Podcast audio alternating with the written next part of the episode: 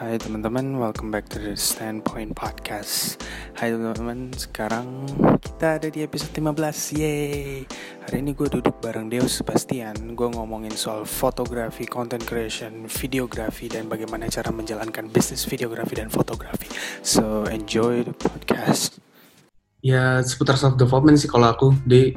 Kamu juga tertariknya ke situ gak sih? Iya, iya. Pada saat aku, um, pada saat aku buka YouTube apa pas aku lihat-lihat channel itu channelnya si Media Vela itu kamu tahu kan harusnya Pasti. iya Pasti. itu aku tuh sebelum aku tuh ngelihatnya tuh aslinya sebelumnya nggak nggak minimalisme dulu sih sebenarnya cuman kok aku lihat orangnya kok dia ini kok keren gitu loh maksudnya keren Ah. dalam arti dalam arti videografi filmmakingnya tuh kok bagus banget gitu kan Hmm. dan storytellingnya itu kan bagus. Nah aku mikir wah keren nih orang aku subscribe. Terus habis itu aku iseng-iseng kan aku Iya. ngeliatin, oh kok ternyata berguna juga channelnya ini impactful gitu. Impactful bener. Nah, jadinya aku merasa minimalisme itu ya boleh sih kita kayak pelajari. Gitu. Iya, iya bener. Kayak dicoba gitu gak sih? Aku juga awalnya kayak, Hmm, karena memang awalnya dari dulu sebenarnya udah suka gitu deh. Udah suka sama yang tiny spaces gitu-gitu. hmm. Jadi kayak, wah ternyata pas searching-searching di Google muncul videonya Matt. Terus kayak, wah aku tonton storytellingnya keren banget itu. Fix, fix. Iya iya benar benar benar benar. Iya iya. Gitu. Kalau kalau mulai dari mulai um, YouTube dari kapan? aku aku sebenarnya udah bikin udah maksudnya udah masuk ke dunia video-video gitu buat buat video tuh udah dari SMA deh sebenarnya dari Hmm. kelas 1 satu SMA itu Oh. uh, pertama kali dapat DSLR pertama dapat Hmm, hmm, iya iya iya. apa ya Nikon 3300 gitu ya Hmm. Nah itu aku kok tertarik kayak bisa apa ngambil-ngambil gambar terus video dari situ mulai tertarik mau apa videografi terus kayak Hmm baru muncul ke video editing. Jadi aku awalnya dari main-main kamera dulu baru masuk ke editing gitu loh. Jadi baru mau. Hmm, oh, Kalau tahu kamu gitu. ngedit videonya pakai apa? Oke, okay, Premiere, Premiere. Sama. kamera. Iya, iya. Kamera. Kamera, kamera. Baru masih kamera pertama itu sih, Sony A6000. Iya, kan? Kamera paling enggak enggak, kalau A6000 paling general lah bisa dibilang Sony A6000. 6000 yeah. itu ya itu first kamera masih sampai sekarang. Itu ya sama sih. Aku juga dapatnya itu SMA kelas 1 tapi aku mulai YouTube itu udah dari SMP ah. lama banget SMP kelas 3 SMP kelas 3 itu aku udah mulai YouTube. Tapi masih belum tertarik ke videografi sih sebenarnya. Masih masih ikut-ikutan. Habis hmm. sebelumnya itu kan ada temen yang um, bikin channel gitu. Kok kayaknya seru. Dia bikin-bikin dulu masih ingat nggak sih kayak itu kayak apa ya makanan terus habis itu dimasukin ke mulut habis itu ngomong apa gitu. Kalau nggak salah sampai mulutnya penuh sampai nggak bisa ngomong gitu loh. Cabi Bani. Ah ya benar. Nah itu aku itu itu kan aku kan sempat diajak bikin, video itu kan. Ya. Terus wah kok kok seru ya bikin video gitu. Satunya ya udah. Terus tapi aku semenjak interest sama videografi itu ya sama si SMA SMA itu mulai terarah lah mau ke mana. Sempat dulu sempat berkecimpung di gaming tapi nggak karena nggak jago akhirnya malu. Akhirnya ya udahlah ganti gitu. Jadi masih pas SMA itu aku nemu jati diri channel. Maksudku seputar filmmaking seputar videografi itu tuh baru kelas SMA kelas 2 akhir. Hmm. sebelumnya itu masih nggak jelas gitu masih kayak nggak nggak tahu mau ngapain masih gaming lah bikin videonya juga em, Gitu. Berarti Iya, iya, waktu Dek waktu kelas 2 SMA tuh apa yang bikin kamu tuh tertarik dengan apa sih kayak bikin video, storytelling, itu apa sih yang bikin wah, keren nih bikin konten kayak gini dari YouTube kah atau Oh. dari gimana? Dikasih tahu orang? atau- Hmm. Kalau aku sih pertama-tama itu dari YouTube bener.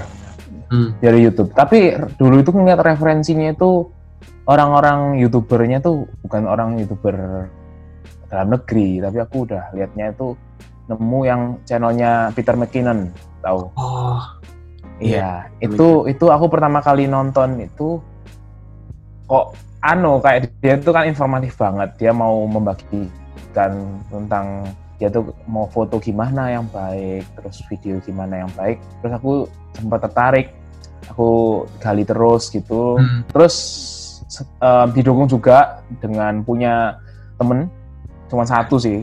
Mhm. Itu yang interestnya sama Oh. itu jadi udah punya kayak kayak satu hal circle gitu loh kayak meskipun cuma berdua tapi itu udah em, ini sih aku merasa beruntung banget pada saat kelas 11 temen yang satu satu passion satu pembahasan. Nah aku beruntung banget pas generasiku itu di kelas SMA kelas 2 itu ada yang namanya ELS ELS itu kayak life skill gitu loh di jadi kayak guru apa guru dari luar itu datang ke sekolah aku untuk ngajarin gitu. Tentang namanya videografi.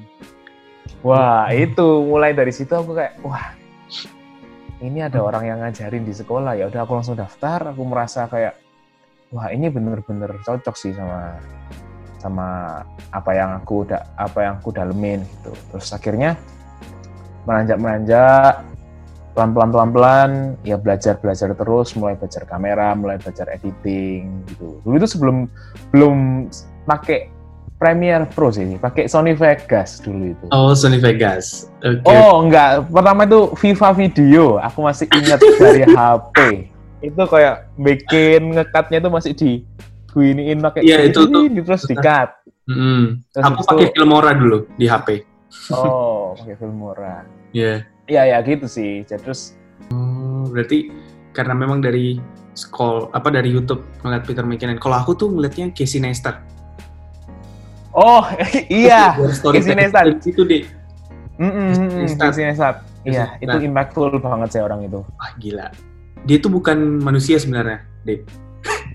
Dia Gimana? bikin- eh, di- yang bikin aku kagum tuh dia tuh bisa bikin vlog hampir Heeh. nggak tahu deh hampir tiap hari dia bikin vlog Iya. terus terus ada ceritanya terus dia Iya, bisa- benar, nggak benar. Sumpah. energi energi Iya sih, iya, iya, bener-bener. Iya, dia tuh kayak udah mendedikasikan waktunya, seluruh waktunya tuh ke YouTube gitu kan. Jadinya memang keren banget gitu. Iya, bener sempet aku dulu sempat juga sempet kagum sama Casey Neistat. Sampai sekarang, cuman dulu tuh sempat ngefans banget. Aku tuh sampai ngeprint, aku search di Google gitu kan. Casey Neistat wallpaper gitu. Wah, keren-keren. Aku download, aku print, aku tempel di kamar. Iya iya beneran itu. Aku tempel gitu, aku tempel wah, aku aku aku nganggur gitu liatin wah. Gitu. Dulu dulu tuh sempet pernah ke sini satu kan apa tuh lagi bikin kantor atau bikin 368 semacam ya? ah iya benar. Nah itu kan dia bikin vlog itu. Wah aku ngeliat itu aku, aku merasa kayak ya ampun. Aku berdoa semoga aku nanti bisa ke sana gitu. Iya, semoga bisa skillnya seperti dia. Aku juga berdoa tiap hari. Iya kan kayak, kayak keren banget kan. Di situ kan kayak ada tempat-tempat mau mau bikin acara juga bisa, tempat-tempat banyak orang-orang Iya. yang kreativitinya itu super super itu kumpul di sana gitu Iya, kan. gitu. Aduh, Iya. itu mimpi semua orang. Maksudnya Mm-mm, mimpi. kayaknya ya. Tapi tapi bisa dibilang Casey Neistat ini jika dibandingkan sama Peter McKinnon ya eh, mungkin leb- videonya itu editingnya lebih lebih Iya. hebat Peter McKinnon. Cuman Casey Iya. Neistat itu lebih menang di cara apa ya? Dia itu udah lebih menang jam terbang mungkin dan Iya, juga kayak dari dulu. dari story-nya itu kan terbentuk banget dan setiap hidupnya itu menarik gitu loh setiap setiap harinya gitu Bener. bener-bener Neistat tuh impactful banget sih bagi setiap youtuber kayaknya Eh, kayaknya orang yang youtuber nggak tahu Neistat tuh bukan youtuber deh Ya, bukan youtuber semua. Kalau nggak tahu Casey Neistat, The King of Vlog itu berarti dia bukan youtuber. Iya iya iya Kalau aku tuh tahu Casey Neistat dulu, terus baru Mhm. Peter McKinnon. Jadi kayak awalnya itu belajar gimana cara buat cerita gitu kan, Dek. Eh, dalam videonya itu, terus baru apa nih pakai ilmunya Peter McKinnon, untuk Hmm. color grading lah, foto fotografi, Oh, iya, iya. bikin grafik apa animation animation gitu. Deh, jadi kan apa ya?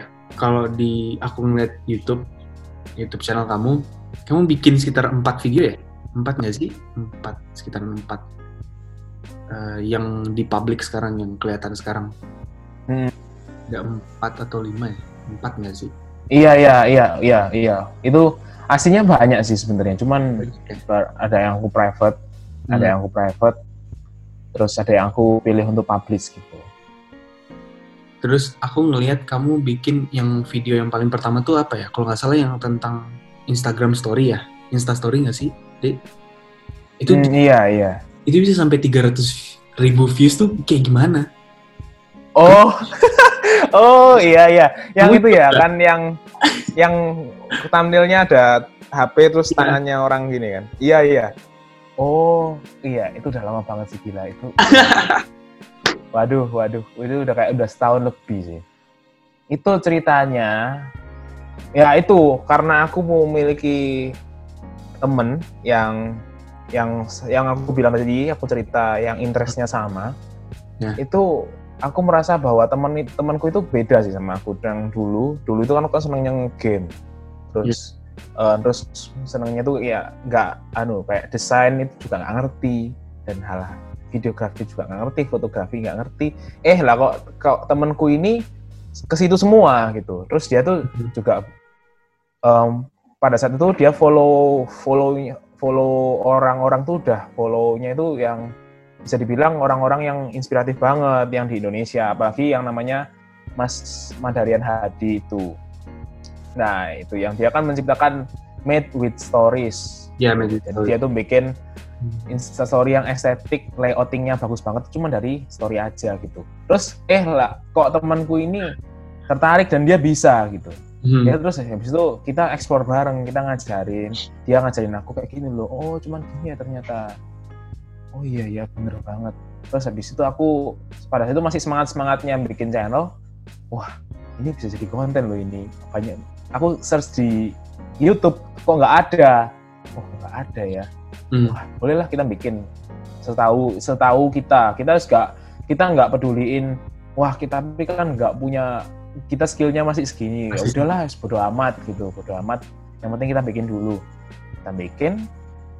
Terus awal awalnya masih sedikit sih kayak um, view-nya juga nggak seberapa banyak. Orang-orang kayak oh itu ya iya iya keren. Cuma itu aja eh kok ternyata pada saat itu Kak Madarian Hadi itu nge-screenshot Oh. channel YouTubeku terus terus di oh, di post di story-nya kayak dia thank you bro habis dibikinin tutorialnya Gitu. Wow. Kayak aku pada situ histeris sih kayak wah gila ini ini salah satu pencapaian gitu aku Ya benar Terus aku chat dia bro ini gila sih ini salah satu goal dari channel ini dari video ini gitu.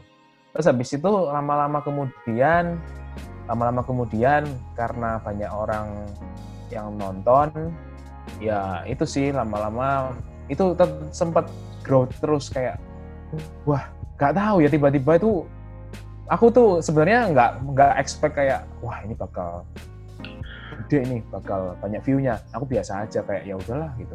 Tapi kok lama-lama banyak yang komen mantap bang bagus bang. Keren bang.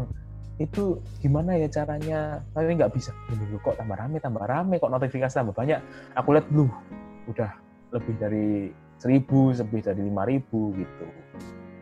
Itu ya itu sih. Mungkin dengan kita kita tuh dulunya masih nggak mikirin lah meskipun fotografinya jelek atau, enggak nggak bisa dibilang outing skillnya juga masih nggak seberapa. Kita ambil gebrakan aja gitu mumpung belum ada yang buat gitu terus ya udah sampai sekarang ya untungnya masih jadi view yang paling banyak di channel gue Wow.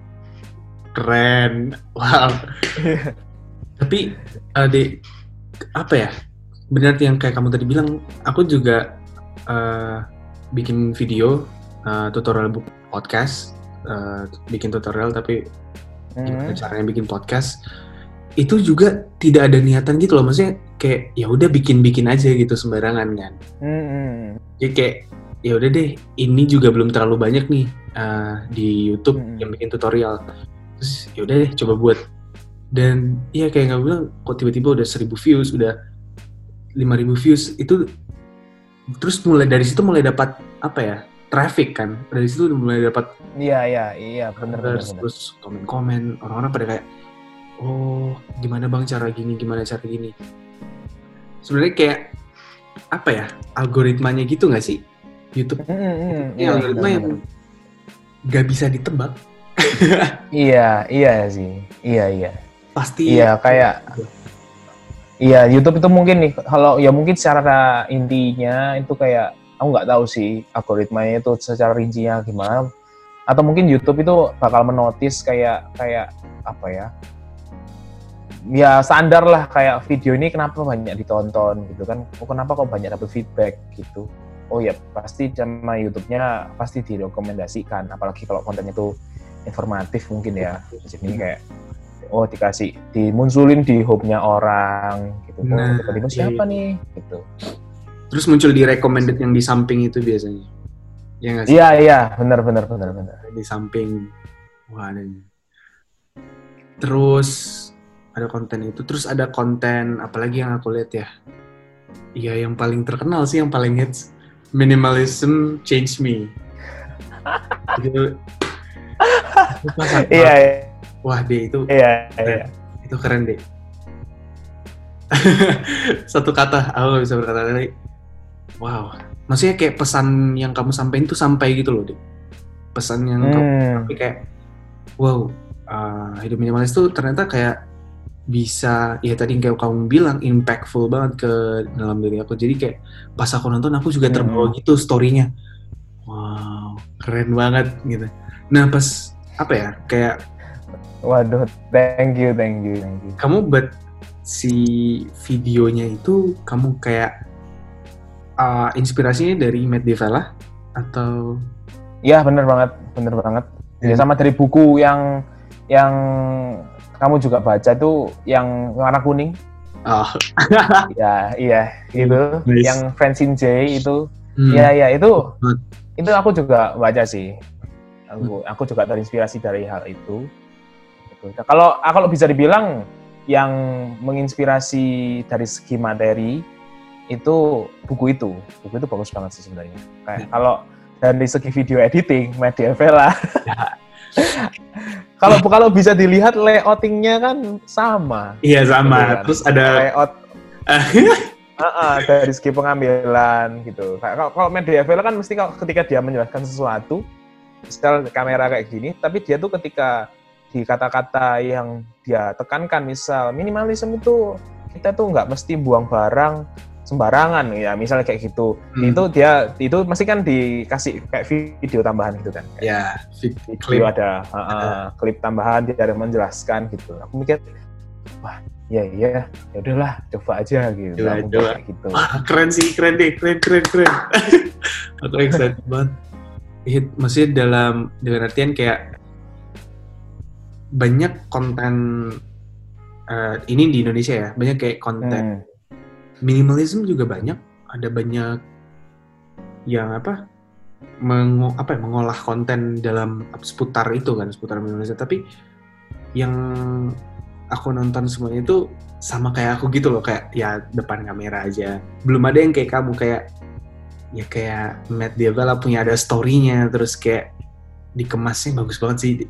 Ah, makanya aku kayak aku aku juga iseng-iseng kayak email kamu kan email terus kayak aduh bakal dibaca kayak ya udah nggak apa-apa pasrah aja eh besoknya langsung dek langsung wow. Iya, iya makanya itu. Aku tuh sempat juga kaget kan. Loh, siapa ini? Terus aku tuh kok orang ini mau sih gitu. Kayak sejak aku jadi guest padahal aku ini udah lama gak upload gitu kan. Itu kan jadi suatu hal yang bisa dipertanyakan. Kenapa anak ini tidak upload selama 10 bulan? Padahal ini viewersnya tuh tinggi-tinggi. Kok aneh kamu gak upload? What's wrong with you gitu. Aku mikir kayak kenapa kok ini mau sih ini? Aku ini gak gitu loh aku mikirnya kayak gitu makanya aku sempat tanya tanya dua kali kan Iya. kan aku tanya dua kali Hmm. so, untuk make sure gitu aku kan nggak mau kayak oh ya nggak apa-apa gitu aku mikir aku mikir juga kebaikanmu juga kan kayak nanti misal takutnya orangnya kurang gasmu mungkin kurang kayak kurang Hmm. apa ya kurang informatif atau gimana aku kan tanya dulu gitu terus aku tapi sekarang ya it happen kan sekarang kita bisa Wow. podcast ya, podcastan bareng gitu kan Bareng eh, sebenarnya awalnya deh originnya nih, originnya. Hmm. Awal Hmm. kamu bisa kayak wah apa nemu minimalisme tuh kayak gimana sih ceritanya? Bisa hidupku. Padahal lu nggak ngerti sebenarnya tentang hidup minimalis itu apa. Kalau aku nggak salah itu lihat tuh hmm, itu my minimalist apartment itu aku lihat. Kok aku kok merasa kok relate sama kehidupan yang aku jalanin meskipun ya juga nggak bener-bener amat minimalismenya. Cuman kok ada suatu beberapa hal yang dia itu kok sama ngelakuin gitu terus aku nggak seberapa aware sih sebenarnya kayak oh alah ya udahlah gitu. Terus aku kok merasa merasa terngiang-ngiang soal minimalism itu kayak kayak ayolah aku nggak ada salahnya juga kan nambah ilmu terus akhirnya aku nonton beberapa videonya juga yang lain. Oh kok ternyata dia itu juga em, dokumenter kalau nggak salah di Netflix kan ya Netflix dia bikin itu aku juga tapi iya aku juga ngelihat aku nggak ngelihat Netflixnya sih cuman aku ngelihat dia jelasinnya. Terus kok menarik? Terus kenapa apa sih yang relate? Yang relate itu aku dari dulu dari kecil itu diajarin sama orang tua kayak gimana ya? Misalnya nggak butuh-butuh banget itu nggak usah beli hemat uang gitu. Kayak orang tua itu udah ngajarin itu seperti itu kalau butuh-butuh banget nggak butuh-butuh banget nggak usah belilah buat apa juga kan. Nanti akhirnya juga jadi nggak kepake akhirnya dibuang gitu. Itu yang udah tertancap sama sama diriku sih kayak dari kecil tuh. Ya oh iya ya gitu. Terus em, aku juga ano pada saat itu aku merasa kayak wah ini mungkin bolehlah kita cari cari gitu. Terus pada situ aku beli beli bukunya yang kuning itu aku baca juga.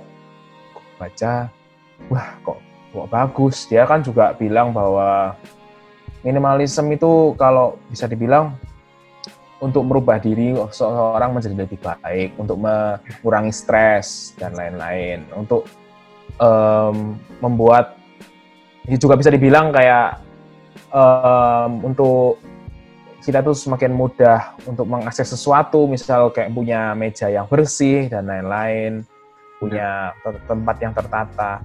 Iya. Ya itu sih. Terus aku juga relate-nya tuh kenapa? Aku juga dibiasain sama orang tua itu untuk bersihin meja setiap dua hari sekali gitu kayak Hmm. ayo ayo misal aku dari dulu sering ditegur sih kayak mejanya berantakan tuh selalu ditegur kayak selalu harus dibersihkan dan juga kayak eh, lemari pakaian tuh juga harus rapi gitu kan Hmm. nah itu sih aku merasa bahwa wah ini udah aku lakuin banget nih kayak aku nggak ada- kertas-kertas yang nggak pakai itu aku sering buang kayak dibuang. Orang tua aku juga sering bilang kayak "Eh, ini kan pernah sempat sempat dibantu kan dulu pas SMP itu kan sempat dibantu Ya. bersih meja gitu. Ini ngapain sih ada kertas nggak pakai gini? Ini kan udah lama. Gitu. Aku bilang aku dulu masih anaknya tuh masih kayak lo jangan ini kan kenang-kenangan gitu. Ya, kenang-kenangan. padahal juga gak penting-penting amat. Kenang-kenangan apa? Gitu kan. Terus gak usah lah gak, apa gak usah simpen-simpen gitu. Bikinin sampah aja terus akhirnya dibuang. Aku dibuang aku aku sempetnya kesel sih. Kenapa ya kok dibuang? Kok aneh gitu. Kenapa gitu. Terus aku merasa bahwa wah ini bener sih. Sampai sekarang aku juga sering-sering bersih-bersih decluttering kayak ini apa sih kayak kadang-kadang kan kita kan kayak males gitu. Ada kan kayak habis ngapain gitu. Aduh em, jauh lagi tempat sampahnya taruh sini gitu. Iya. terus taruh laci. Terus kita kayak nggak ada. Terus habis itu ya udahlah nanti dibuang. Terus habis itu em, ternyata udah seminggu di situ terus. Nah itu akhirnya aku kan kalau kita dengan cara decluttering kan kita tahu gitu. Nah itu setelah itu ya udah aku baca buku itu aku baca buku itu terus kok aku merasa ini tuh bagus untuk kita sendiri. Dan juga aku juga sempat itu sih sempat em, aku kan dulu gini setelah aku baca buku itu, aku itu kan dulu bisa dibilang sekolahnya itu ya juga lingkungannya kalau bisa di Ya. kita kan dekat Surabaya kita nge-mall juga kalau saya saya nge-mall aku sendiri nge-mall juga ke Surabaya itu Hmm. kan bisa dibilang anak-anaknya itu kayak apa ya anak-anaknya juga fashionable banget orang-orang Surabaya itu nah itu Hmm. aku dulu sempet sih kayak ter, ter- ikuti arus untuk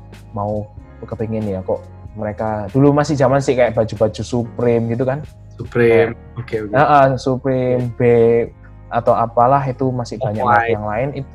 Ah, ah, bener itu kok, kok aku tuh mikirnya kok iya iya kok kok orang-orang ini bisa beli kayak gini mahal-mahal padahal gitu. Aku dulu sempat pernah nyoba untuk nabung kayak ya udah Nah. coba beli satu nabung gitu. Terus itu sudah fase-fase di mana aku mulai belajar minimalisme. Terus difference di buku kuning itu dia kalau nggak salah ini aku udah lupa sih. Ini mungkin yang aku tertanam di otakku bahwa dia tuh ngomong bahwa barang apa yang apa yang kita punya itu maksudnya nggak mencerminkan Ya. diri kita gitu. Ya nggak sih kayak baju, celana, sepatu itu sebenarnya itu nggak nyerminin kamu itu siapa gitu loh Hmm. bener juga kan bener juga terus aku oh iya ya berarti ya nggak harus kita tuh nggak harus pakaian yang keren-keren untuk ngasih tahu oh ini loh Deus Bastian. Oh, nggak ya nggak gitu juga kan maksudnya. Ya. terus dia bilang bahwa bahwa em, bahwa kamu itu mendingan kalau mau nunjukin kamu siapa ya dengan sikapmu gitu kan kayak dengan sikap-sikapmu atti- attitude-mu skillmu. Oh iya ya bener. Terus aku ya udah aku akhirnya memutuskan untuk tidak membeli dan juga enggak juga enggak memulai mengurangi rasa nyari-nyari itu dan aku merasa bahwa ya udah itu aku berpindah ke kaos polos orang kalau nggak minimalis nggak kaos polos Eh. nggak minimalis Bukan. Gak boleh masuk, bukan golongan. bukan golongan kamu. dulu udah merasa keren banget tuh kayak pakai celana hitam kaosnya hitam terus sepatu juga ya udahlah biasa aja gitu Hmm. terus pakai terus kayak ya udah gitu ya itu aku tapi sisi positifnya yang sampai aku aku ambil sekarang ya itu sih bahwa nggak harus kita tuh nggak harus show off untuk ke orang lain dengan baju-baju yang mahal untuk atau atau barang-barang yang mahal untuk mendeskripsikan siapa kita sebenarnya. Ya kita bisa menggunakan skill-skill kita dan juga um, sikap kita yang baik untuk uh, untuk orang itu oh ini loh oh ini loh siapa oh ini gitu. Itu sih yang aku tertanam terus ya di di balik itu ya juga tentang kebersihan tentang um, menghargai yang namanya apa ya eh, ya kayak itu less is more itu. Hmm. itu juga kedampak banget sih kayak dengan aku dulu tuh kan sempet struggle sama yang namanya not, eh, nata baju. Itu kan kayak banyak banget bajuku itu. Itu kayak susah gitu rasanya. Terus habis itu dia kan bilang kalau kalau misal coba disortir di buku itu bilang kalau coba disortir untuk dicari mana yang penting mana yang enggak. Mungkin udah yang enggak sering sering nggak dipakai gitu. Oh iya ya bener juga. Terus aku cari barang baju-baju yang udah aku nggak seneng terus aku simpen untuk beberapa saat dan aku putuskan untuk kasihin ke seseorang. Contoh kayak hmm, bisa dibilang kayak mas-mas yang bantuin kerja papa aku gitu kan ya itu kan kita bisa juga sekaligus berbuat baik. Dan juga ya itu yang di YouTubeku itu kayak ada keyboard atau apa Ya, itu juga aku aku kasihin Wow. orang juga. Itu aku kira aku mikirnya gini em, kan ada orang yang salah persepsi mungkin ada kayak yang bilang berarti minimalism itu nggak boleh beli apa-apa gitu kayak. Ya benar. Kayak itu. Sebenarnya padahal tuh enggak sebenarnya minimalisme itu tentang gimana cara kita itu meng- mau mengkontrol kita diri kita sendiri em, mindsetnya kita sendiri. Mau beli ya beli aja. Cuman yang kita itu kayak mau beli barang ngambil. Terus kita tuh diajari mikir gitu kan. Ya, ini ntar sebulan ke depan kepake nggak ya? Ya. oh ntar kita ini apa sih bergunanya atau enggak oh misal kita beli dompet. Tapi kita juga udah udah punya dompet masih bagus. Tapi ini aku kepingin banget. Kayak dompet ini misal nih kita uh, beli dompetnya orang yang kita tuh idolain banget lah misal bisa let's say kita tadi bilang Casey Neistat gitu terus Casey Neistat tuh jualan kacamata kacamatanya sampai ke Indonesia gitu Padahal kita juga nggak butuh-butuh banget. Terus kita Iya. mikir, Pak, kita wah aku pokoknya harus dapetin kacamata itu gimana pun caranya. Tapi kalau orang mikir bahwa lo emang nggak boleh beli kayak gitu, lo sebenarnya boleh. Tapi barang yang membuat kamu tuh value value-nya tuh besar ke diri kita sendiri gitu kan. Misal kita beli kacamata itu, kita selalu terinspirasi ke Casey Neistat, kita menjadi lebih kreatif.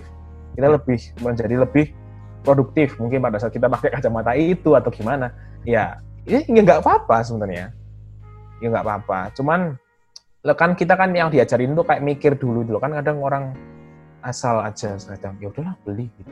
Jadi Hmm. ternyata akhir-akhir akhir-akhirnya nyesel ya itu kan yang banyak yang terjadi tapi kalau di minimalisme kita tuh disuruh mikir misal kita mau beli sesuatu oh dipikir dulu nih ini beneran apa enggak atau berguna apa enggak gitu itu sih sebenarnya yang itu dan itu lumayan loh orang-orang apa perkuliahan ini sangat luar biasa loh minimalisme ini kita kayak ya bisa menghemat lah bisa diintinya gitu. Iya bener. Deh, kayaknya kita saudaraan deh. Cerita kita sama, sumpah. Cerita kita, aku juga apa? Ya, ini journey aku ya dari awal. Aku juga apa ya? Ada apa, pengaruh juga dari orang tua dari kecil. Memang udah kayak harus bersih, terus kayak Hmm. beres-beres, budaya beres-beres, Hmm. hemat uangnya, ya be wise with money gitulah. Hmm. terus ya aku dulu ternyata apa ya kayak kita tuh mengimplementasikan minimalism tanpa tahu itu namanya minimalism ngerti nggak sih Hmm, hmm, bener banget. Hmm. ngikutin aja gitu oh eh, ini kotor nih mejanya bersihin rapihin oh ada barang-barang yang nggak perlu nih buang gitu tapi kita nggak tahu itu ternyata oh ternyata ini nih 11-12 lah nyenggol-nyenggol dikit sama gaya Hmm. minimalism. Hmm. terus baru deh mulai kayak kamu tadi aku juga baca bukunya itu seni hidup minimalism. Oh iya ya mirip juga ya dengan apa yang aku lakuin ya gitu. Kayak, kayak merasa ah ini mungkin lifestyle yang cocok gitu loh. Ah Hmm. menarik dalemin ah gitu kayak. Iya, iya. kayak gini ya jadi ah, minimalis. Benar banget yang tadi kamu bilang kayak poin-poin yang ada di buku itu kayak ya penampilan kita itu tidak mencerminkan kita kayak Hmm. pakai apa pun itu tidak mencerminkan kamu tapi show-nya dari skill dan lain sebagainya terus kayak apalagi ya ya jangan apa jangan beli barang atau ya invest ke barang yang sebenarnya kita nggak butuhkan kan maksudnya kayak masih ada Hmm. mungkin barang yang lebih penting sortir yang butuh atau enggak Hmm. yang paling membantu nih saat kuliah itu tadi yang beli barang tapi harus ngeliat nih barang ini ngasih value apa ya ke ke aku gitu Ah, ah, Iya ah, sih. bener.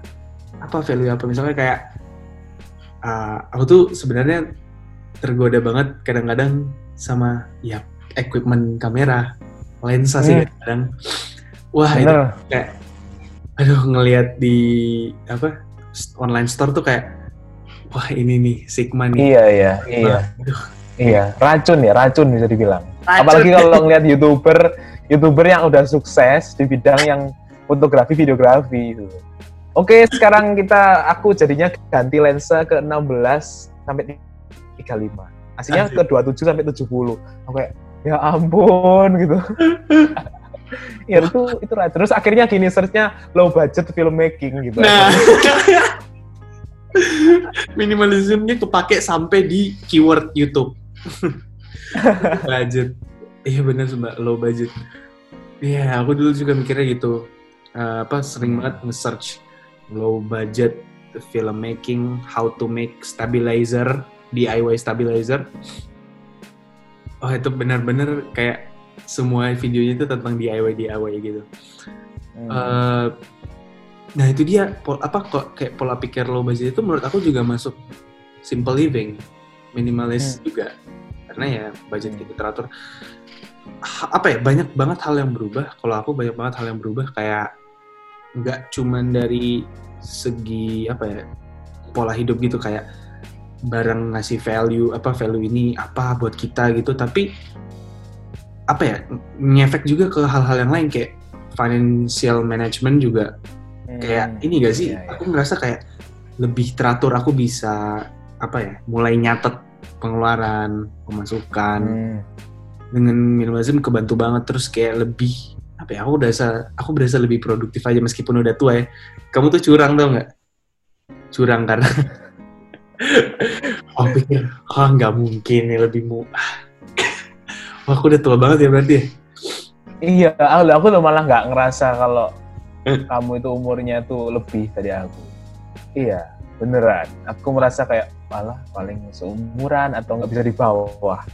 Iya loh, beneran. Aku pada saat first impression, wah ini paling youtuber yang sama kayak aku lah bisa dibilang gitu. Wah ya udah Hmm. berarti berarti bisa dibilang itu ternyata kok udah lebih semesternya udah lebih- udah tengah-tengah gitu. Tengah, Waduh. saya sudah tua saya sudah tua saya bentar Iya. lagi pensiun lansia jadi youtuber Eh, Iya. iya. kenapa jadi ini ini kita ngebahas YouTube aja gak sih YouTube Indonesia jadi Hmm, ya boleh boleh.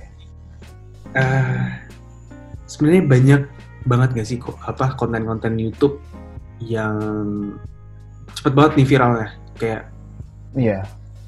kita ngelakuin suatu hal dan hal tersebut direspon sama orang lain entah itu responnya baik atau buruk yang penting direspon itu kan udah kemasuk engagement kan kalau di YouTube kayak Hmm, klik, like, dislike, itu masuk engagement. Uh, aku pengen, aku punya pertanyaan.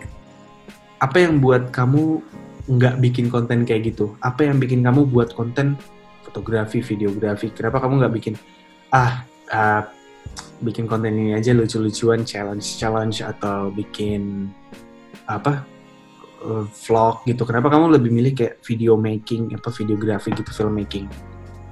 Hmm, oke. Em, ya, aku pernah sih di awal di fase-fase di mana aku berusaha untuk menjadi lucu. Ya, dan itu gagal banget dan aku sampai cringe-nya tuh setengah mati bisa dibilang pada saat aku bikin komedi dan Hmm. aku merasa itu enggak aku banget gitu. Aku tuh sempat bikin kayak reaction, ya. Itu pada saat aku masih di fase gaming, itu aku juga bikin reaction, gitu. Terus aku sempat juga bikin beatbox tutorial. Dulu masih zaman kan Laurentius Rando dan Oh my god. segala macamnya itu kan sempat booming nggak sih? Iya, Nah, itu ya itu aku juga sempat bikin. Terus habis itu aku sempat bikin em, ya kayak gitulah kayak challenge-challenge kayak jelas gitu kan kayak minuman dicampur apa dicampur apa terus diminum itu kayak aduh ngapain? gitu sebenarnya. Aku aku sempat masih itu di fase-fase itu sih kayak tapi aku merasa bahwa itu nggak diriku gitu loh kayak udahlah nggak usah gini. Terus aku merasa kayak kena- kenapa nggak nyari yang beda? Dalam arti yang aku tuh lebih enjoy untuk Hmm. bikin konten gitu. Jadi aku bikin konten dalam hal nggak kepaksa, aku nggak juga nggak mau kepingin punya video ketika aku upload terus aku pas nonton tuh nggak berani. Pada saat aku bikin video komedi, itu pada saat aku bikin itu aku upload, ngedit setengah mati kan, terus habis aku upload, terus aku pas mau review itu selalu aku pause, terus aku baca komen. Jadi aku nggak berani nonton. Pada saat temanku mau nonton pun itu aku suruh, udah udah nggak usah nonton, nggak usah nonton, nggak usah nonton. Hmm. Itu kan jadi kan ada something wrong. Aku merasa bahwa itu bukan diriku. Aku juga merasa aku komedi itu nggak bisa yang general. Aku kalau sama teman-temanku itu kan ya bisa ngelawak dan juga lucu. Maksudnya itu kan dalam segi lingkup yang kecil. Ya. Untuk Mhm. circle sendiri. Enggak, tentu itu juga sama lucunya ke semua orang Semua orang itu. yang Jadi aku merasa bahwa ya udahlah nggak usah. Terus oh setelah itu aku pada saat itu aku sudah eh, em, nggak kok ini ini ada kesempatan itu bisa menjadi bikin konten yang lebih baik gitu dari sebelumnya. Ya udah terus aku milihnya filmmaking. Itu terus aku juga memulai mem itu sih yang paling penting.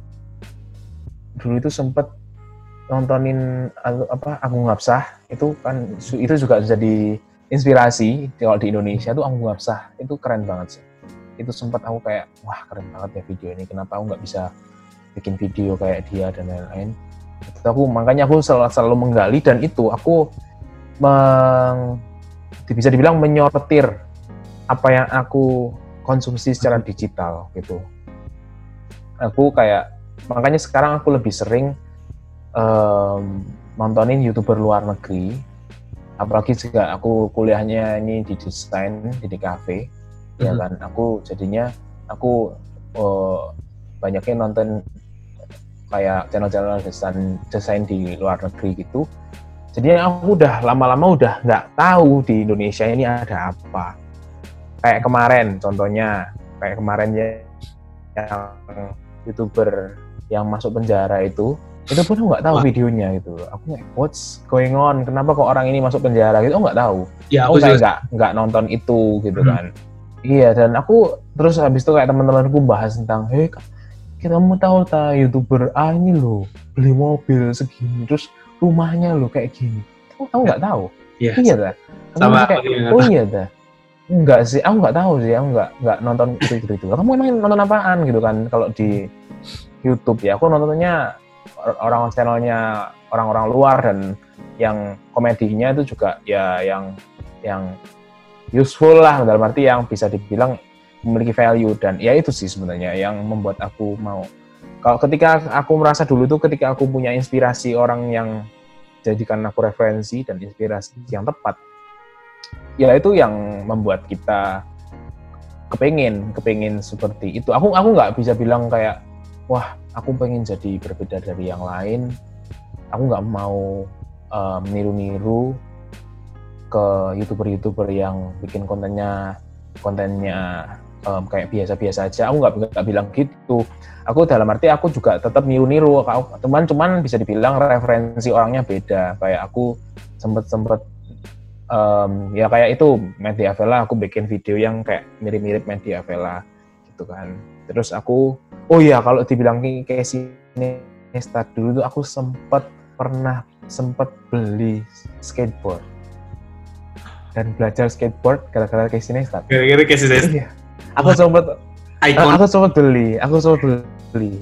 Iya skateboard kan ikon- ikonik banget kan. Aku, Boosted aku board kayak- aku Dia boosted board. dia. Heeh, heeh, ke- keren dia bisa kayak gitu gitu. Aku merasa ya itu sih dengan kita punya em, sosok inspirasi yang menurut kita bagus secara pribadi ya itu yang membuat aku mau membuat konten seperti itu. Tapi ya aku nggak bisa bilang orang-orang lain itu juga em, bukannya wah kamu bikin konten kayak itu keliru ya enggak ya, asalkan yang positif itu ya nggak apa-apa ya mungkin kan selera orang kan berbeda gitu aja cuman aku merasa em, dulu kan di SMA aku juga bisa dibilang organisasi osis Ya. osis di sekolah di bagian pubdoc Mhm. publikasi dokum dokumentasi itu kan aku foto terus habis itu sempat bikin-bikin desain untuk Ya. apa untuk Instagramnya sekolah itu aku merasa bahwa skillku kok di sini kok di sini dan aku banyak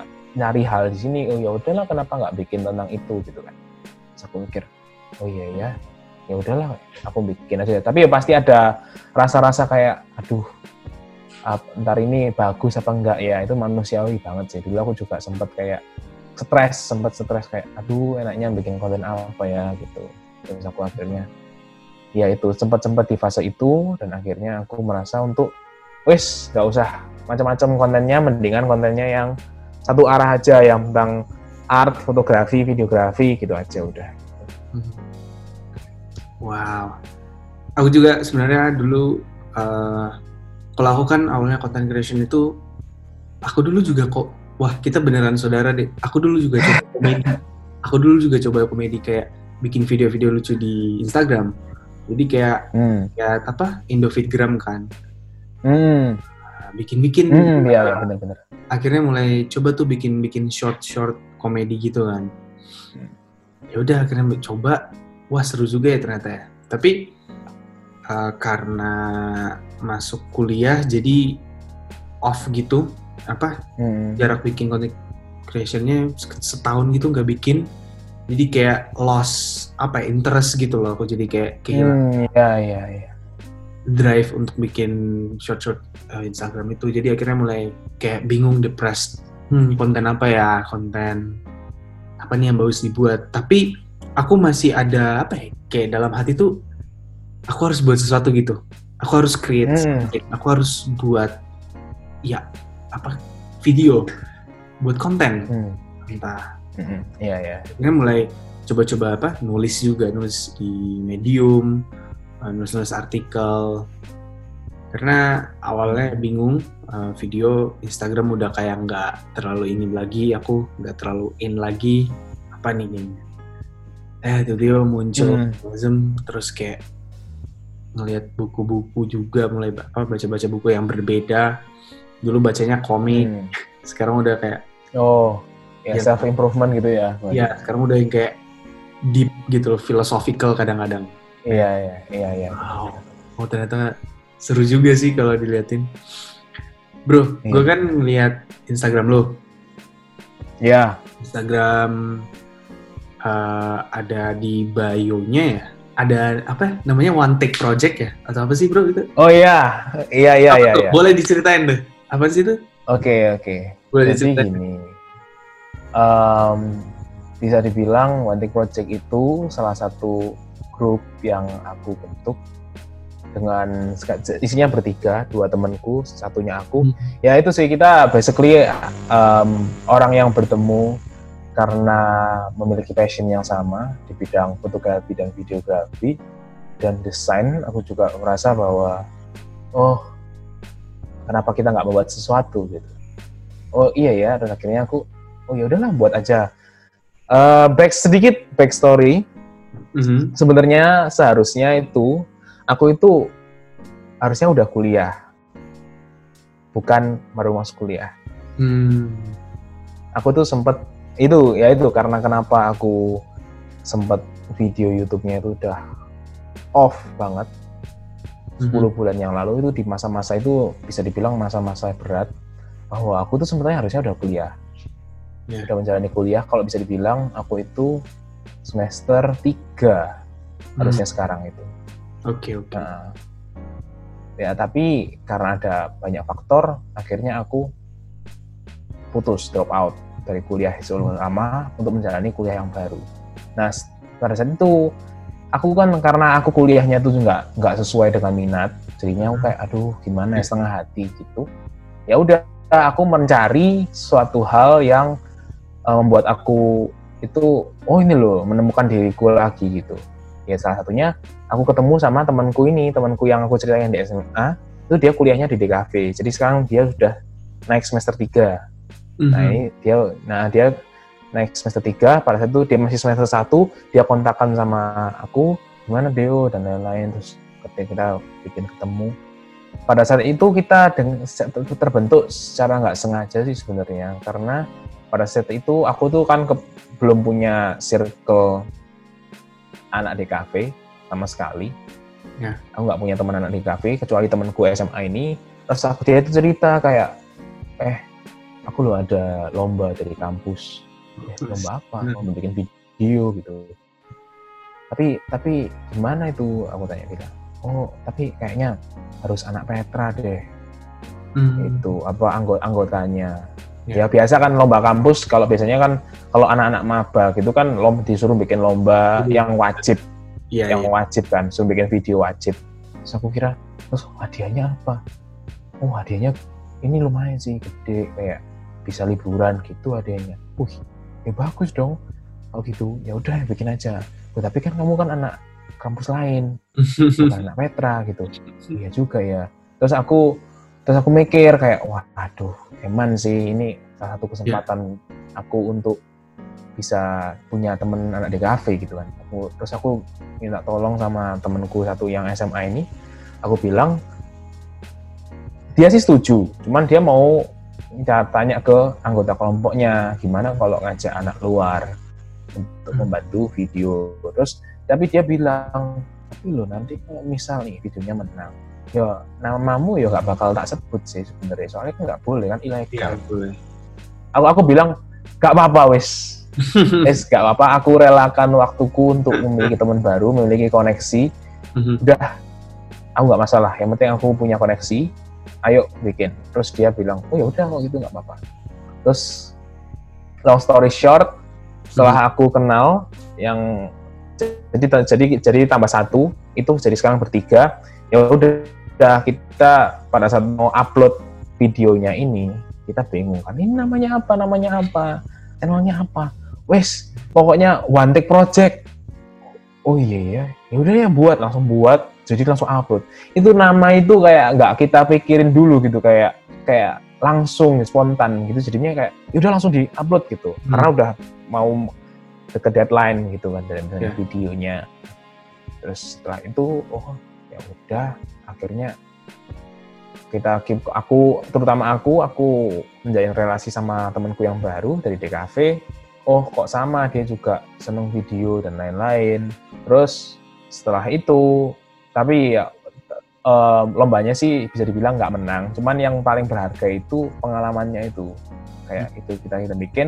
Setelah itu aku merasa aku um, bilang juga eh One Take Project ini gimana nih mau lanjut apa enggak? Kayak kita harus kalau misalnya lanjut ya ayo kita bikin sesuatu. Ya. kayak bikin sesuatu. Terus setelah itu aku melihat kayak ada opportunities datang itu lomba ada lomba lomba short movie. Wah lomba short movie? Oh iya ya. Boleh nih aku tanya eh ini ada lomba short movie? Itu gimana mau ikut lagi enggak gitu mm -hmm. oh iya boleh boleh itu kalau nggak salah itu lomba short movie disuruh bikin video dua menit kita tuh suruh mempromosikan aplikasi ya aplikasi yeah. kayak bayar-bayar makanan tuh pakai aplikasi itu, oh, okay. tetapi dengan tema 80s horror.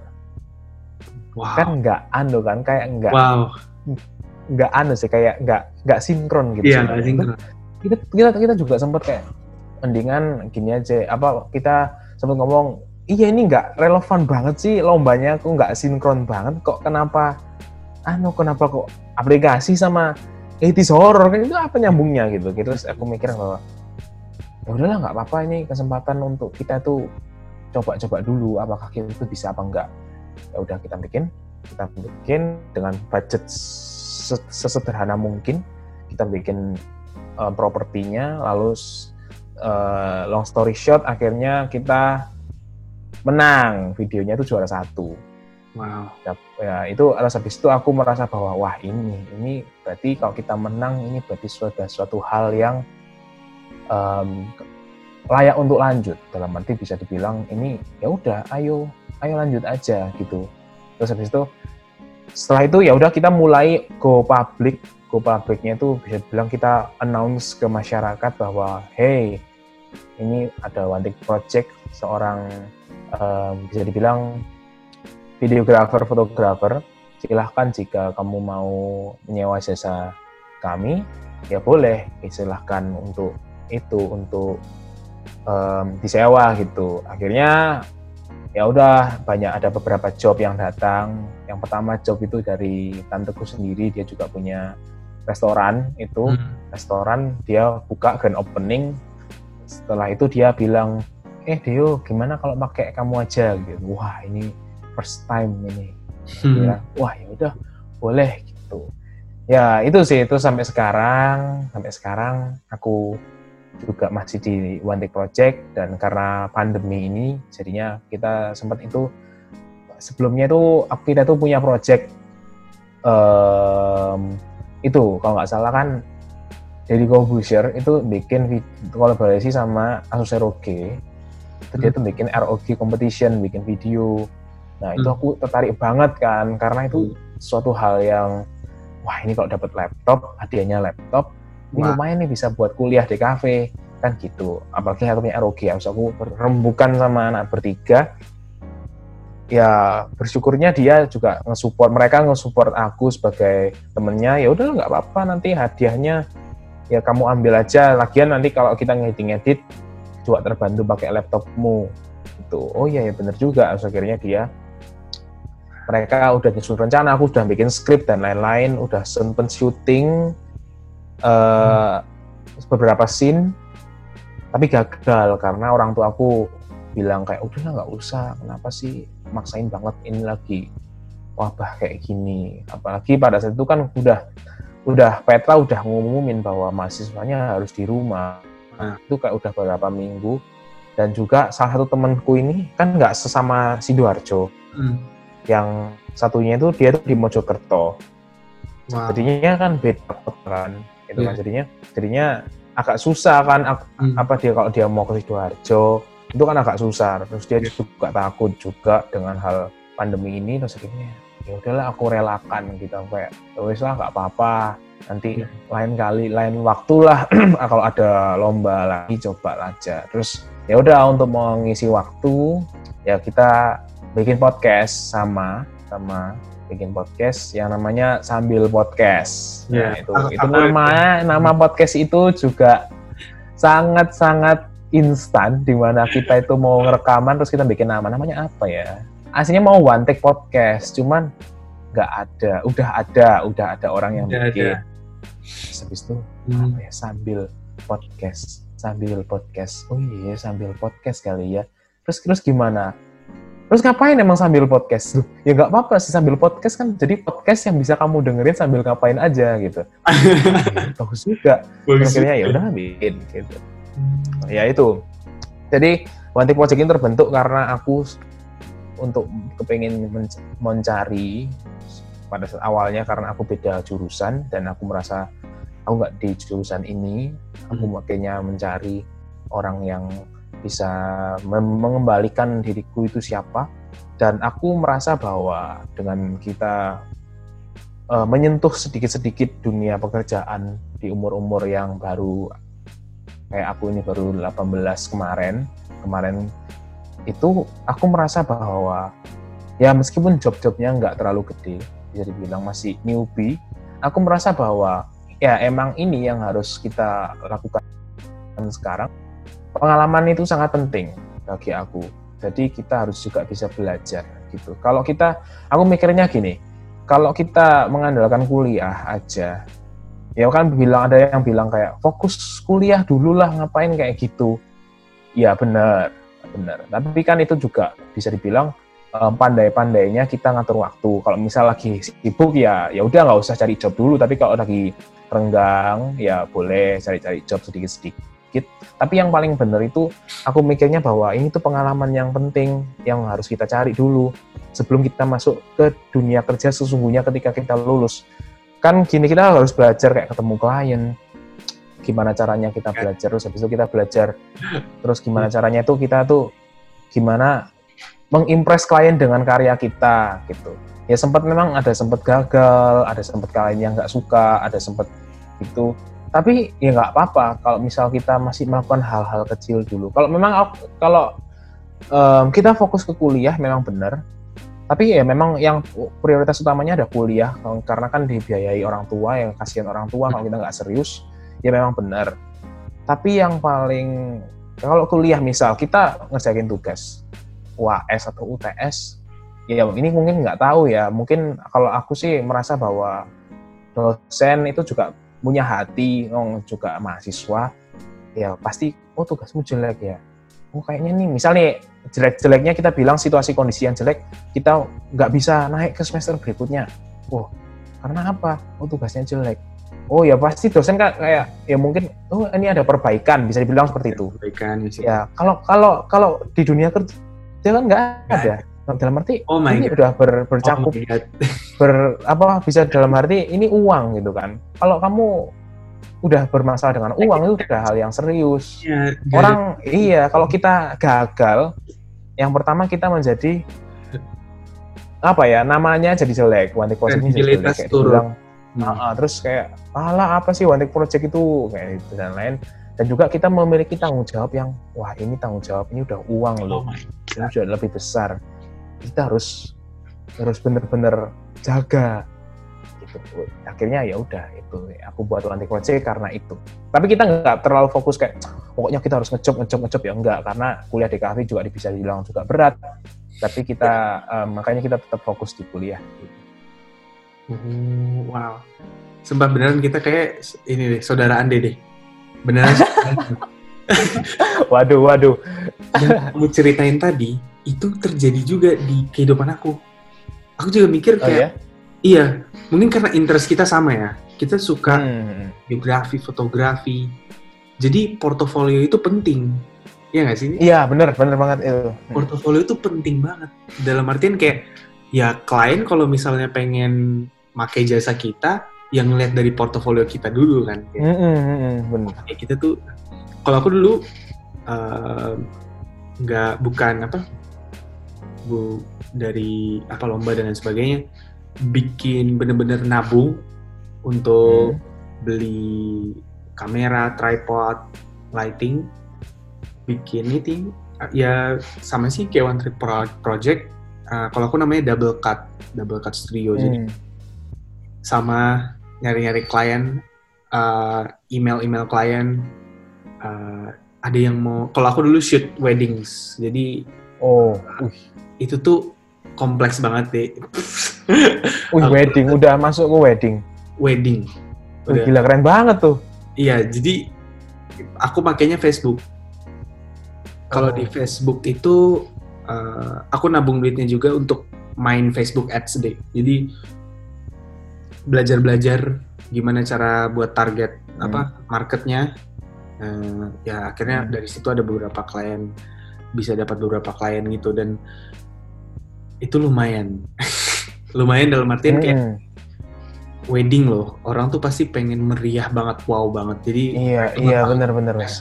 gede banget kan terus aku kayak wow ini keren juga sih udah akhirnya mulai jalan-jalan-jalan eh, mulai berkembang portofolio aku ingat dulu eh, klien pertama itu kalau nggak salah radio jadi radio itu pengen bikin video profile video profil Hmm. itu aku kasih free deh jadi untuk Hmm. klien pertama aku kasih free bener-bener gratis buat ngisi iya, iya. video dulu kan buat ngisi kayak oh ini mulai terus baru selanjutnya baru mulai ngasih uh, apa baru mulai oh ini harganya sekian ini harganya sekian Hmm.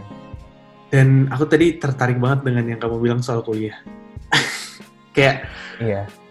mungkin mungkin di kita aja ya mungkin di kita aja yang kayak uh, suka videografi fotografi portofolio penting dan memang kayak pengalaman itu berharga banget pengalaman itu hmm, hmm.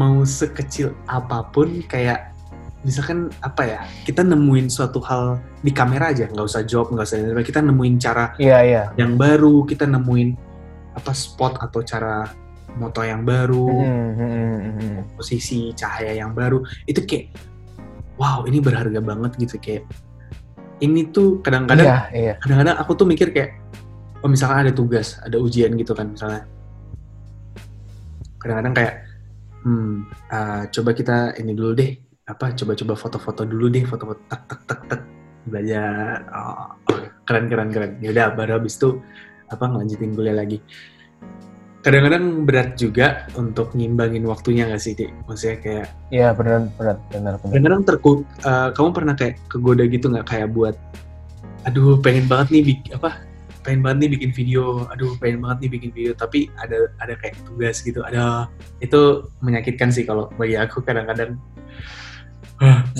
Iya benar benar. Benar, benar, benar, benar Bang. Pada saat aku kuliah menjalani semester 1 itu di kuliahku sebelumnya, itu kan aku kenapa aku sempat berhenti YouTube itu aku merasa aku malah mikirnya itu malah gak lanjut sama sekali dulu tuh kayak ya udahlah buat apa aja yang jay kayak lanjut YouTube gitu jadi kan wis tutup aja lah biarin Hmm. minimalism change me itu menjadi video terakhir dan itu. Aku merasa seperti itu. Karena pada saat itu aku- nggak dapet dukungan.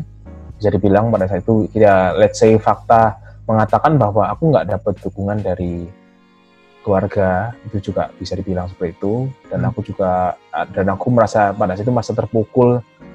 Aku harus beda jalur sekarang dari temanku SMA yang yang selalu nemenin aku dan dalam arti nge-support lah saling support dalam hal yang aku senangi aku jalankan aku merasa terpukul dan aku merasa kayak berusaha merubah diriku untuk mulai menjalani kuliah. Hmm. Pada saat itu aku kuliahnya itu akuntansi, ya dibilang akuntansi bisnis Wow, jauh. jauh banget kan. Nah itu aku aku berusaha kayak pada saat itu aku sempat bikin video tentang pindahan kos. Ya aku sempat bikin video kan kalau mau bikin video live update gitu. Aku sempat bikin sempat pada saat aku ringes-ringes barang, taruh-taruh barangnya ke kardus, itu sempat aku juga sempat bikin videonya. Pada saat aku pindah nata-nata barangnya di kos-kosan, itu aku juga sempat bikin videonya. Tapi video itu aku harapan aku upload udah nggak ada Nggak ada.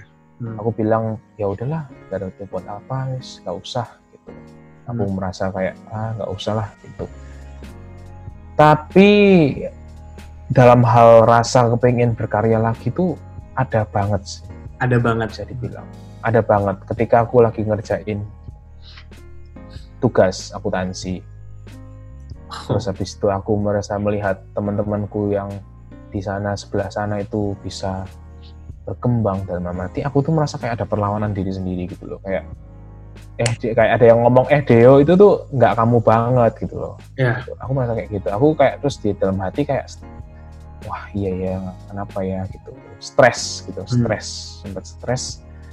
Aku merasa bahwa ya itu sih aku merasa kangen banget itu ada. Dan aku sempat bikin story itu kayak aku galau-galaunya biasalah aku bikin story yang satu tuh buku skrip YouTubeku aku bandingin sama buku akuntansi Jret, Asik. aku foto aku kayak aduh galau banget ini Galau banget. foto.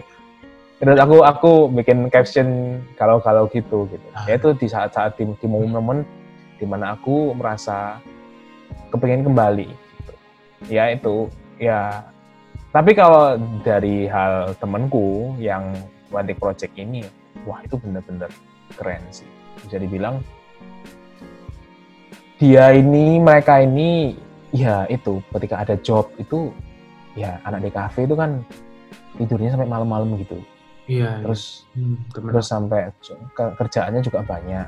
Tapi mereka juga bisa em, merealisasikan job itu. Kayak pada saat klien pertamaku tanteku itu kan restorannya di sidoarjo Ya. Nah, dia itu mereka selesai kuliah itu jam sekitar jam 5. Terus acaranya acaranya restoran tanteku itu bukanya jam 6 dan openingnya. Ya seharusnya kan orang dokumentasi kan harusnya kan datang sebelumnya Sebelum. kan. Iya. Nah, ah, iya sebelumnya. Karena itu aku datang dulu lah ke restoran itu karena pada saat itu aku udah nggak kuliah, udah ku- maksudnya bukan udah berhenti, maksudnya udah nggak ada jam kuliah.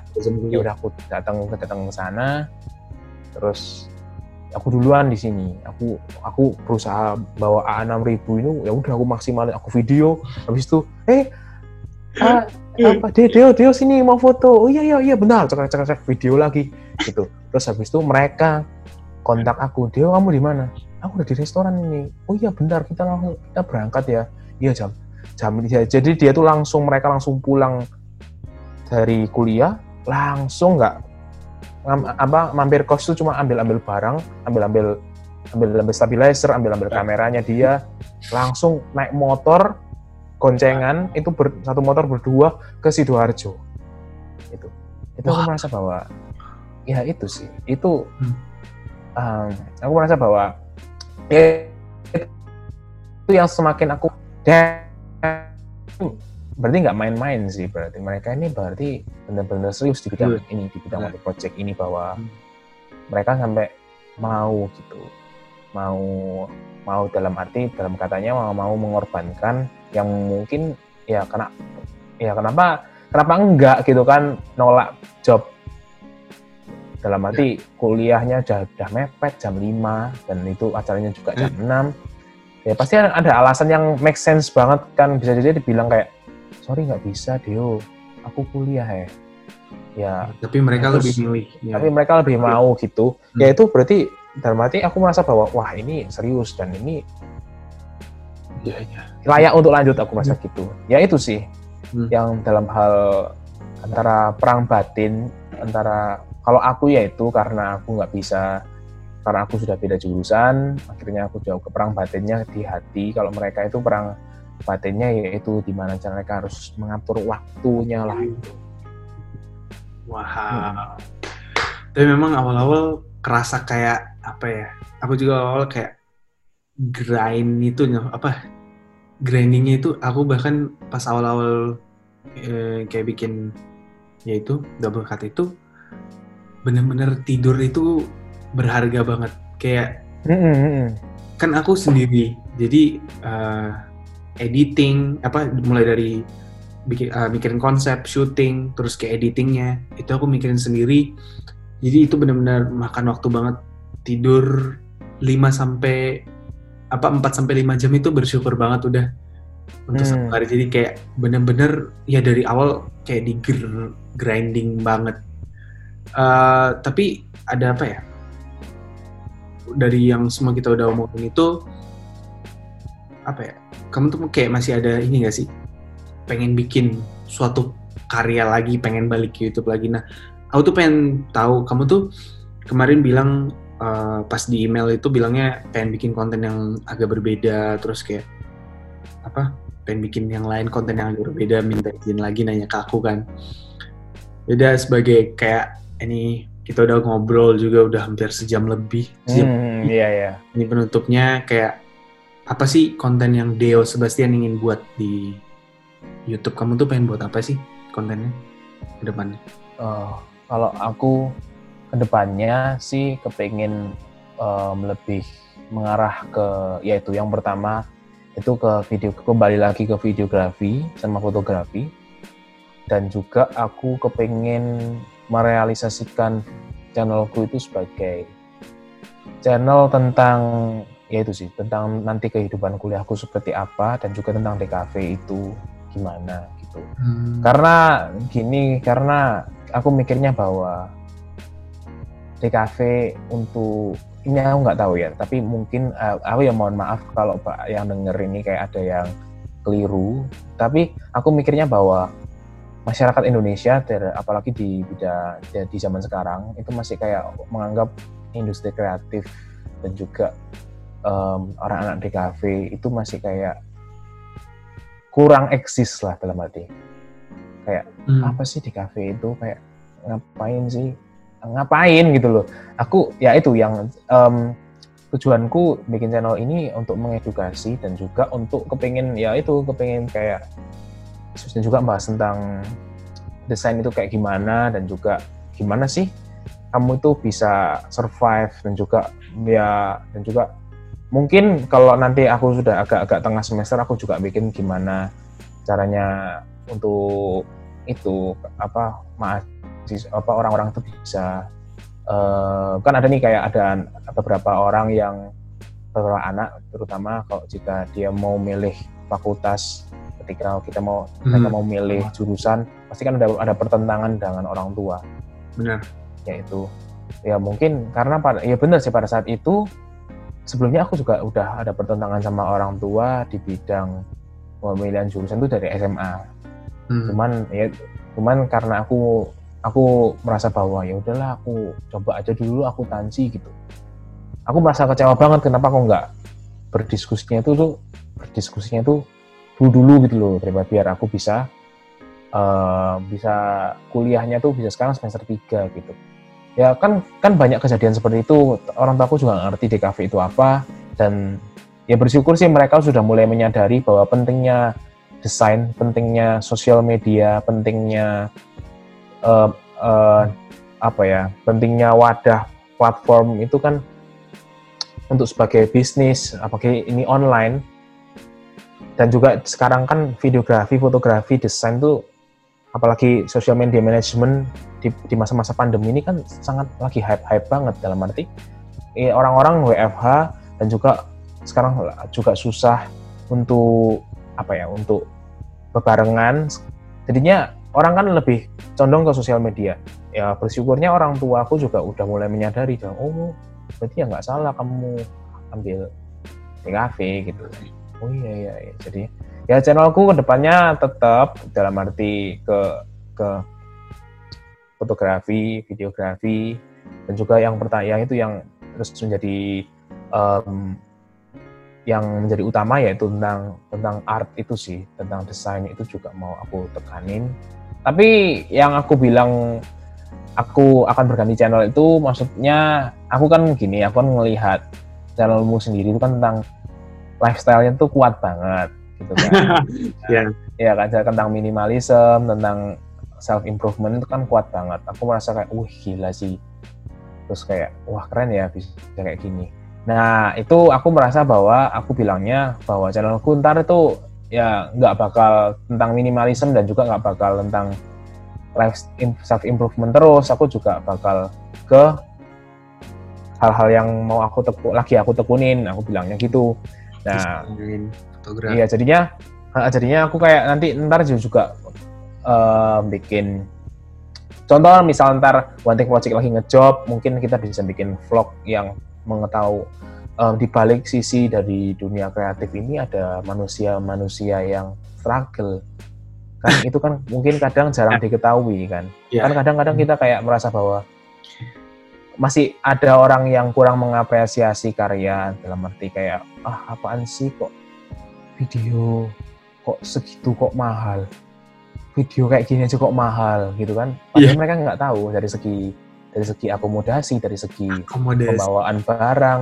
dari segi editing dari segi begadangnya begadang. ya itu sih itu ya itu itu yang menjadi aku Venir depannya mahal tuh juga. Heeh, heeh. Di mana nanti laptopnya Mm-mm. Marah-marah sendiri gitu kan. ya itu itu itu sih yang yang aku mau kasih tahu ke orang realitanya itu seperti itu. Ya. Bahwa bahwa itu menjadi tujuan utama channelku ke depan. Nah, nanti em, channelku ke depan ini karena udah 10 bulan udah nggak bikin konten, aku bikinnya makanya aku bikin berpikir untuk udah jalan sih sebenarnya udah jalan aku bikin suatu karya dulu di channelku untuk membuat sesuatu dulu baru nanti sebagai transisi Ya. atau 10 bulan 10 bulan ini nggak upload aku bikin satu karya yaitu short movie. Short movie. Quar- apa ya quarantine short movie di mana aku lak- ngelakuin one man crew. Jadi cuman aku yang ngatur lighting aku yang ngatur kamera aku yang jadi aktor aku yang bikin skrip itu tapi ini masih lagi proses ntar ntar ya akan direalisasikan secepat mungkin itu sebagai masa sebagai transisi aja gitu Hmm. untuk aku jadi aku bikin karya dulu untuk ya cek cek ombak juga cek audiens gimana sih audiens ntar seneng atau enggak atau dalam arti audiens itu gimana reaksinya baru nanti baru men- lebih menekuni di hal itu setelah aku upload karya ini gitu. Wow. Keren keren deh. Oke, semangat deh. Pasti pasti langsung viral lagi sih. aduh amin amin amin Pasti langsung besok langsung sejuta. besok aduh aduh wah wah wah wah pasti. iya iya Oke deh. eh mungkin segitu aja deh. Eh, makasih banyak. Makasih Ya, banyak iya. udah pertama Ya, nih. aku yang makasih juga aku masih Makasih banyak juga udah balas email loh. Itu wah gokil. Itu goks. Terus iya iya iya. udah mau apa sharing pengalaman di podcast ini. Udah pengen collab bareng gue uh, Mm-mm, sebenarnya mm-mm. nggak terlalu gimana gimana juga. Tapi ya karena gue punya itu tadi yang sama kayak kamu apa ya? Iya ya terima kasih terima kasih. Yaudah deh uh, iya. Mm-mm. apa mau kalau misalnya nanti orang-orang atau pendengar-pendengar itu mau nyari kamu di sosial media bisa dikasih tahu deh Instagramnya apa? bisa Instagramnya namanya @deusbastian YouTube-nya juga Deus Bastian sama Sip. Jangan lupa follow Iya. One Tech Project juga ya. Bagi. oh terima kasih ya one take dot project one take dot project gitu Sip. ya Oh, kalau mau apa?